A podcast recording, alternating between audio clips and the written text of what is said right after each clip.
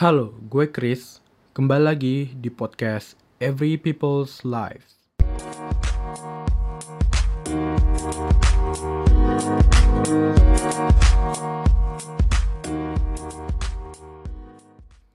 Kali ini gue akan membahas tentang gue memilih menjadi freelancer. Sebelumnya, gue jelasin dulu sebenarnya freelance itu apa sih. Freelance, jika diartikan dalam bahasa Indonesia, kurang lebih memiliki arti sebagai pekerja bebas, pekerja lepas, tenaga kerja lepas, dan sejenisnya. Detailnya sih, freelance adalah sebuah pekerjaan yang dilakukan secara mandiri, bekerja sendiri, dan tidak terikat perjanjian atau kontrak yang mengikat dalam jangka panjang antara pekerja dan si bos yang mempekerjakan tenaga freelance tadi. Nah, udah dapat nih bayangan freelance gimana kan? Selanjutnya, ke alasan gue kenapa gue milih menjadi freelancer. Yang pertama, karena freelance itu bebas. Bebasnya gimana? Gue nggak terikat. Kerjaannya yang gue banget. Jadi gue bisa pilih project yang mana yang bisa gue terima, dan gue nggak terpaksa ngerjainnya. Karena basicnya gue seorang videographer yang pastinya gue seneng banget dengan segala jenis yang gue kerjain sekarang ini. Sampai sekarang, masih banyak orang yang pandang freelancer itu dengan sebelah mata. Tapi gue nggak living by others people words. Ya terserah deh orang mau ngomong apa, yang jelas gue tetap dengan pilihan gue. Yang kedua, freelance cocok di gue karena gue bukan orang yang nganggep pendapatan adalah hal yang utama. Memang menurut sebagian besar orang, uang adalah pokok utama. Karena lo hidup dengan beli ini itu, itu pasti pakai uang. Gak mungkin pakai daun kan? Tapi, gue mencoba untuk tidak nanemin pola pikir seperti itu di hidup gue. Gue gak mau membuat uang sebagai salah satu masalah yang besar di hidup gue. Dan di kerjaan gue ini pun sebagai freelancer, gue gak mau matokin V yang gede. Memang gue udah punya poster yang berisi list V jasa gue. Tapi gue suka balik diskusiin dengan klien agar bagaimana caranya tidak membebani mereka. Jadi sama-sama enak lah. Karena gue juga percaya walaupun jasa gue gue buat murah, tapi kalau banyak yang calling, semuanya jadi berjalan lancar begitu. Tapi ya, kalau masalah pendapatan sih sama aja menurut gue. Kalau lo kerja di perusahaan, dan digaji tiap bulan, tapi pengeluaran lo itu royal abis, ya sama aja. Akhir bulan pasti seret. Yang jelas, lo harus bisa mengatur pengeluaran lo. Oke, yang ketiga. Aktivitas sehari-hari dan jam tidur fleksibel.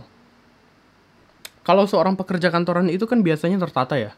Bangun pagi banget, mandi, sarapan, berangkat kerja. Lalu pulang jam 5 sore. Gitu-gitu aja terus setiap hari. Dan kalau telat potong gaji. Nah, tapi mereka free-nya hari Sabtu dan Minggu. Dan cuti. Tapi kalau lo seorang freelancer, lo bebas bro bangun kapan aja. Tapi jangan sampai gak bangun ya. Lo bebas ngelakuin hal produktif apa aja ketika lo lagi nggak ada proyekan. Lumayan nama-nambah porto. Nah, kalau masalah libur, bebas bro. Lo mau libur hari Senin, hari Rabu, itu yang itu lo yang nentuin nggak ribet lah terus pepatah mengatakan you're the boss on your own lo itu bosnya nggak ada yang di atas lo nggak ada yang ngatur-ngatur. Kecuali klien ya beda lagi. Selanjutnya lo itu kerja sesuai minat lo sesuai kesukaan lo. Jadi lo ngerjain pekerjaan itu ya kayak main aja. Duh pasti nggak kerasa kerjainnya. Nah kalau kerja di perusahaan kan beda.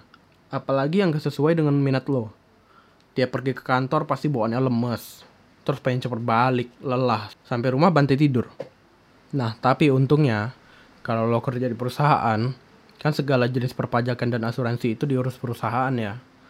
Nah, kalau lo freelancer, itu semua lo yang urus sendiri. Ribetnya sih di situ. Kalau balik lagi dengan masalah gue, kenapa gue milih freelancer? Sebenarnya, gue nggak pengen jadi freelancer sampai akhir hayat gue. Gue juga mau bikin lapangan pekerjaan gue sendiri. lah lapangan pekerjaan. Industri kreatif deh bahasanya. Cuma untuk ngewujudin mimpi ini gue lebih milih jadi freelancer dulu. Ya karena waktu fleksibel tadi. gue takut kalau kerja di perusahaan orang, gue jadi terikat. Jujur nih, gue orangnya susah nolak.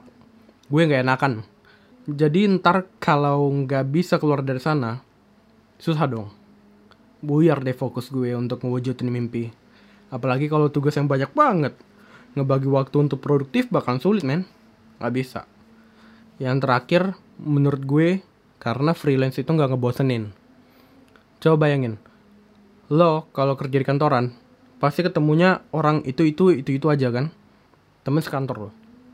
Tapi kalau lo jadi seorang freelancer apalagi kayak gue nih yang jasa videografer fotografer lo pasti ketemu orang-orang baru.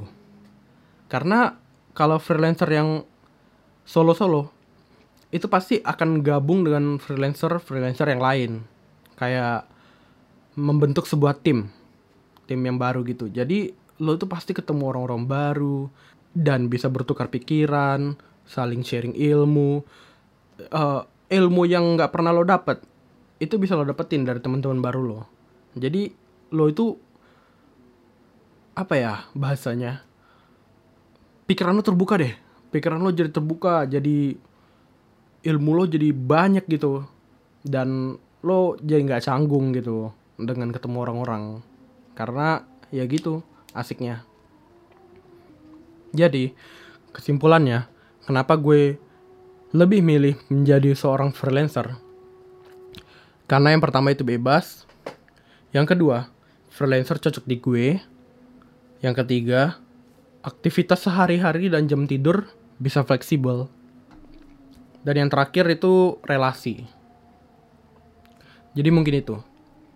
Tapi nih, perlu diingat, dari dua jenis pekerjaan, seperti freelancer dan lo kerja di kantoran, itu tuh dua-duanya ada sisi baiknya dan ada sisi buruknya, gitu. Itu semua tergantung lo. Zaman sekarang sih sebenarnya mencari pekerjaan tuh nggak susah, nggak juga mudah-mudah amat. Kalau lo males nyari kerja, iya bikin pekerjaan. Di era digital ini, lo mau jadi apa aja bisa. Ilmu di mana-mana lo. Lo mau jadi pengusaha, bisa. Usaha apa? Misalnya nih bunga. Bunga bisa.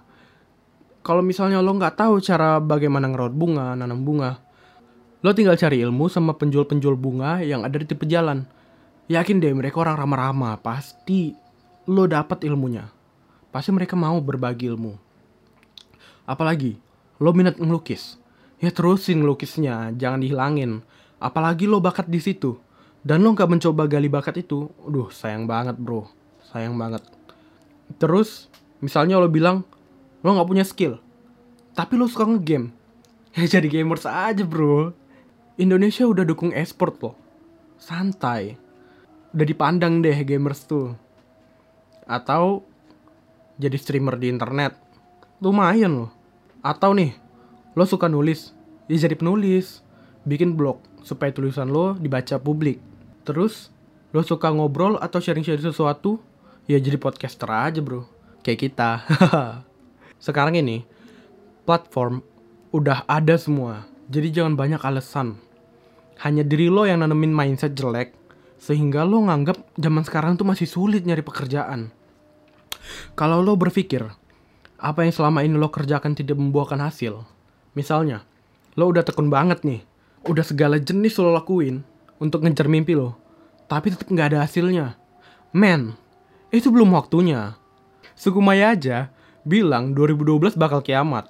Tapi kalau Tuhan bilang belum, ya belum men. Santai. Ingatlah dengan kata-kata usaha tidak mengkhianati hasil. Gue benci sebenarnya ngomongin kata hasil. Tapi bisa juga ya. Ya intinya sih gitu. Kerjain sesuatu harus dengan niat, tekad yang kuat, sabar, pasti terwujud. Jangan pernah bandingin hidup lo dengan orang lain. Dari Asia aja kalian udah beda bro. Jadi jangan sama-samain. Nih, kalau lo pernah mikir, kenapa temen lo bisa lebih duluan sukses dari lo? Ya itu udah waktunya dia bro. Masing-masing orang punya time zone-nya sendiri. Nggak bisa disamain. Dia suksesnya sekarang, lo bisa aja 20 tahun lagi. Atau sebaliknya. Ya gitulah hidup lo harus tetap produktif untuk mencapai dream job lo. Jangan terus-terusan di zona nyaman. Ingat, lo harus produktif. Oke? Gue sih cuma pengen lo itu balik ke fokus awal. Lo itu mau jadi apa sih? Mimpi lo itu apa sih? Pasti semua orang punya mimpi, yakin gue. Dan gue pengen mimpi lo itu terwujud. Gitu sih. Dan inget, apa pun yang lo kerjakan, kalau nggak lo barengin dengan ibadah, itu sama aja bohong. Oke, sekian dari gue untuk episode ini. Episode yang ngaco ini. Jadi, nantikan terus episode selanjutnya di podcast Every People's Lives. See ya.